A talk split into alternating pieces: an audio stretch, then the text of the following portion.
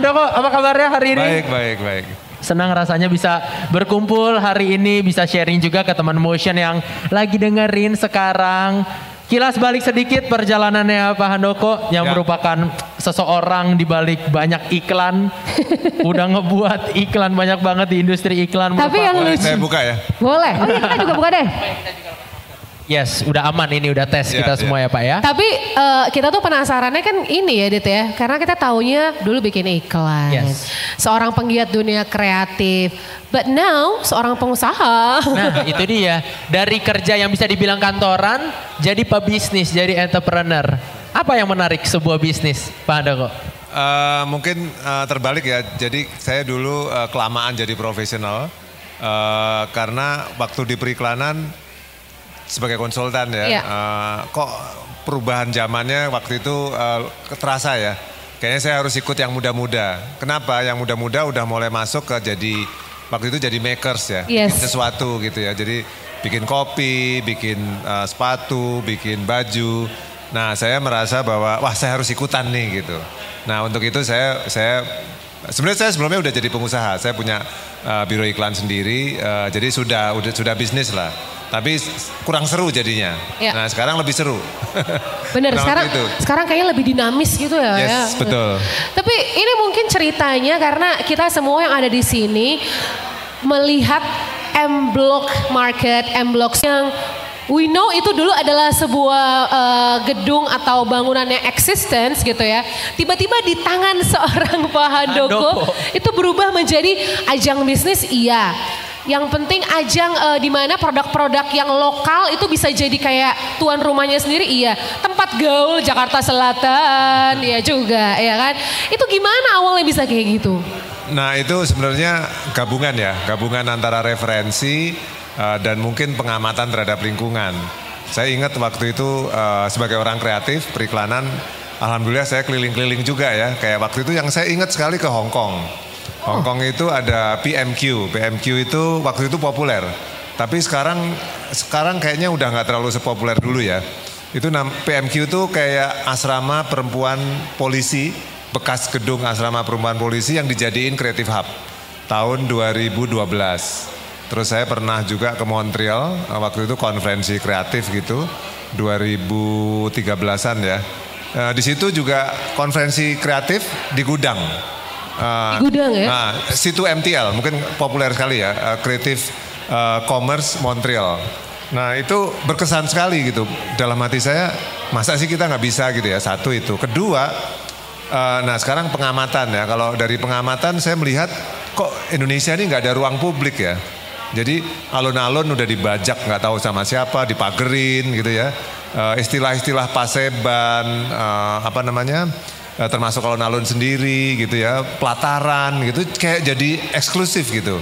Saya rasa kita butuh ruang-ruang yang inklusif, nyaman seperti ini, eh, dan menjadi ruang bersama gitu. Jadi gabungan antara referensi dunia kreatif dan juga mungkin eh, apa purpose ya, kayak kayak ada rasa kok tega amat ya kota nggak punya ruang publik gitu ya. Dan kebetulan saya orang Jaksel, dalam arti saya eh, kuliah di UI dulu, pernah tinggal di Cepete, Cilandak, eh, naik bis waktu itu patah sempat gitu, ingat sekali.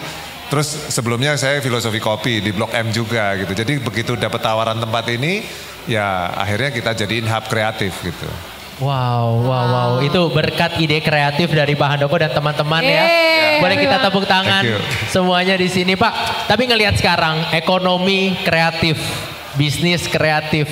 Kalau untuk kacam eh, dari kacamata Pak Handoko sendiri, kreativitas itu seperti apa sih Pak?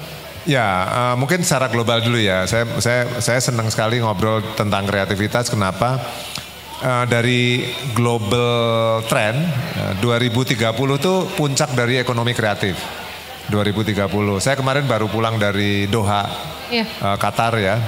Eh, ternyata eh, kebaca sekali gitu bahwa di negara Arab pun dunia kreatif itu menjadi eh, apa namanya primadona ke depan. Kenapa? Karena minyak mau habis. Jadi kayak rebutan kreatif antara Dubai, Doha, Emirates gitu ya. Ini negara Arab loh, ya. eh, apalagi Indonesia gitu ya dan negara-negara yang lain. Jadi uh, peluang kreativitas, teman-teman kalau terjun di kreativitas, saya rasa yang pelaku kreatif semakin banyak ya. Itu semakin banyak. Dan di sekitar kita ini sebenarnya penuh dengan peluang-peluang kreatif. Uh, apa pun lah ya, mau jadi host, podcast, uh, makers, uh, segala macam ya, sampai sampah pun uh, bisa dibikin kreatif ya. Kayak misalnya di sini ada uh, Hamis Daud itu bikin uh, di sini juga kerja sama sama kita apa namanya Octopus. Octopus ya. Uh. Waste waste jadi bisnis gitu ya. Waste makanan juga bisa jadi bisnis. Jadi uh, dunia kreatif itu benar-benar matters banget gitu, menjadi sesuatu banget gitu dan itu peluangnya besar. Apalagi sekarang di negara kita kayaknya emang lagi dianginin ya. gitu ya, ya betul, betul, ya. Bagus berarti ini pas gitu ya kalau teman-teman berkarir dunia kreatif. Tapi speak about kreatif karena Pak Handoko adalah orang kreatif. Kreatif itu kan bukan sesuatu yang kita pelajarin kayak ada textbooknya gitu kan Pak. Kita mesti terus dapat ide-ide yang segar kayak gimana. Nah kalau dari seorang Pak Handoko Hendroyo sendiri, gimana bisa dapetin terus ide-ide yang kayaknya segar, out of the box. Padahal kan kita kan sebagai manusia juga kadang-kadang stuck gitu loh. Oh ya, kalau jujur sih setiap hari saya stuck juga ya. Bener tuh ya? Yeah. Jadi nggak tiap hari kayaknya punya ide-ide brilian oh, gitu enggak juga uh, ya?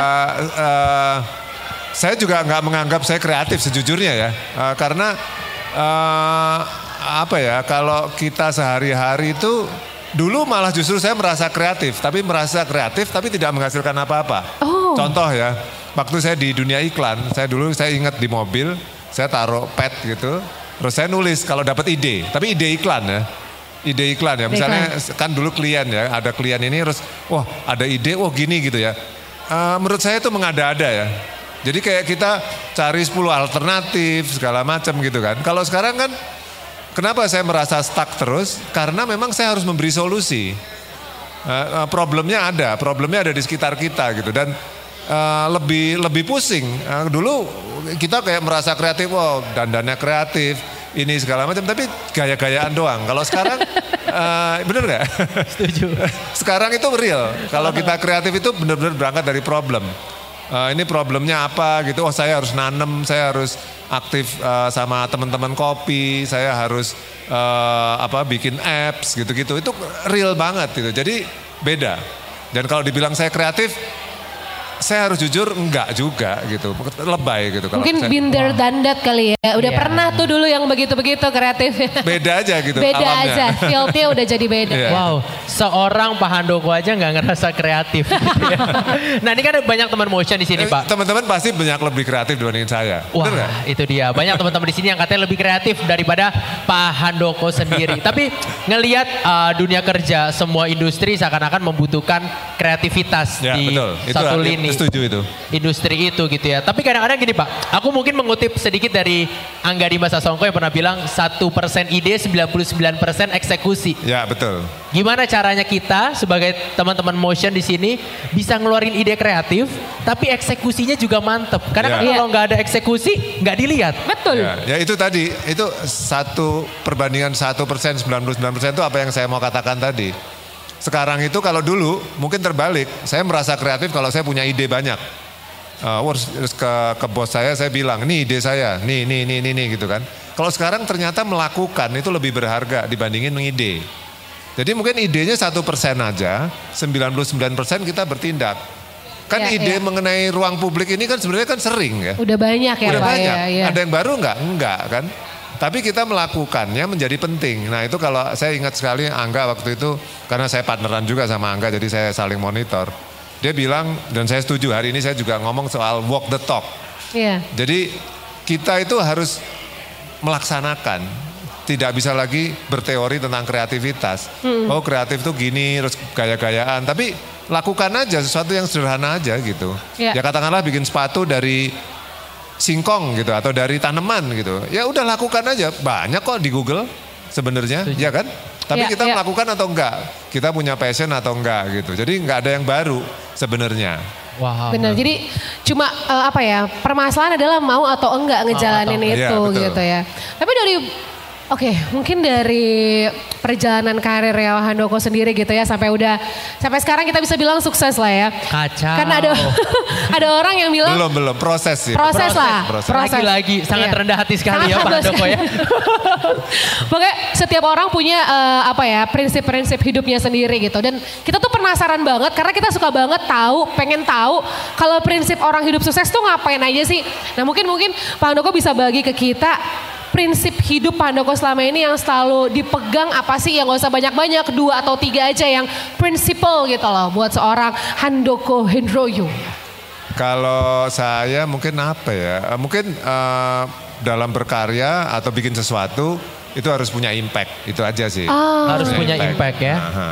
Wow, dan itu harus mengatasi problemnya juga ya Pak ya, Ya, ketika ha. bikin Iya. suatu Mungkin bisnis. itu ya. kalau saya sederhananya itulah. Jadi Oke. whatever you do, lakukanlah supaya ada impact untuk sekitar kamu. Minimal Ya. keluarga lo deh. Gitu. Keluarga, tetangga gitu Iya, ya, iya, sesuatu yang iya. deket-deket aja. Gitu. Iya, iya. Jadi Wow. Lingkungan gitu ya. Nah ini kan sebenarnya kan konsepnya kayak bisnis talk gitu Pak. Handoko. Dan mungkin teman motion di sini yang datang pada ingin membuat bisnis. Ya. Aku pernah nonton satu video dari Pak Handoko yang bicara kalau zaman sekarang itu bisnis butuh authenticity, Ya. Iya. keaslian. Betul. Apakah mungkin Pak untuk teman motion yang bikin bisnis sekarang bisa untuk menjaga si keaslian itu? Karena kan bisnis begitu banyak.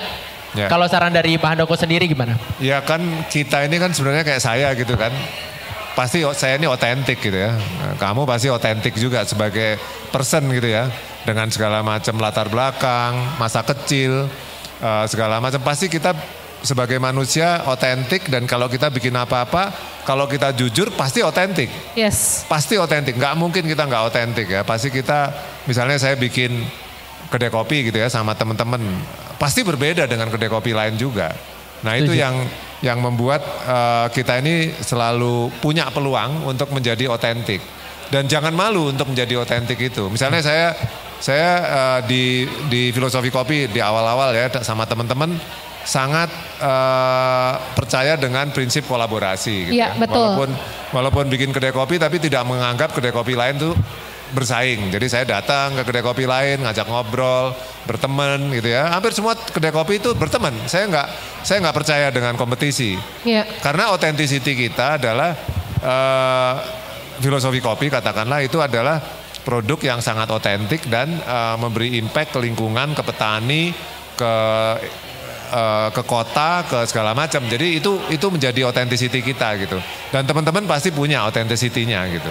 Kurang lebih itu sih. Jadi nggak usah takut ya. Apalagi di era sekarang kayaknya lebih baik kolaborasi daripada saingan-saingan gitu ya, Ya, Pak ya. betul. Aku itu malah bikin laba- lebih maju lagi gitu. Nah, Pak Doko ini banyak banget teman motion mungkin pendengar juga yang sering nanya sama kita gitu ya. Kan mereka pada baru mulai jadi entrepreneur gitu ya. Kadang-kadang ya mental-mental mau bisnis tuh suka ya begitulah Duh. ya mengawali ups Takut. and down, ups and down. Iya. Nah, mungkin Saran dong. saran dari tips dari yang pro. Enggak apa Handoko enggak pro, pasti Nggak, bilang bro. gitu nih. saya saya juga ada takut-takutnya juga. pasti ya, pasti ya Pak ya. Gimana tuh Pak? Ya, eh, kalau menurut saya, saya sih sangat percaya dengan eh, the art of kepepet.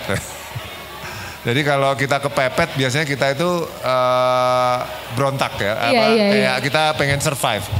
Eh, dan itu itu yang saya sebut sebagai creative survival. Kalau kita nyaman, justru nggak punya itu. Kalau kita nyaman, eh, kita nggak punya survival itu. Nah, kita harus menikmati atau membuat positif situasi yang kepepet itu. Kadang-kadang kalau ya saya nih misalnya sederhana aja ya. Kalau lagi lega gitu ya, lega banget gitu ya, kayaknya semuanya bikin apa-apa Berjalan sesuai berjalan rencana susah. ya. Nah, Itu malah bahaya sekali.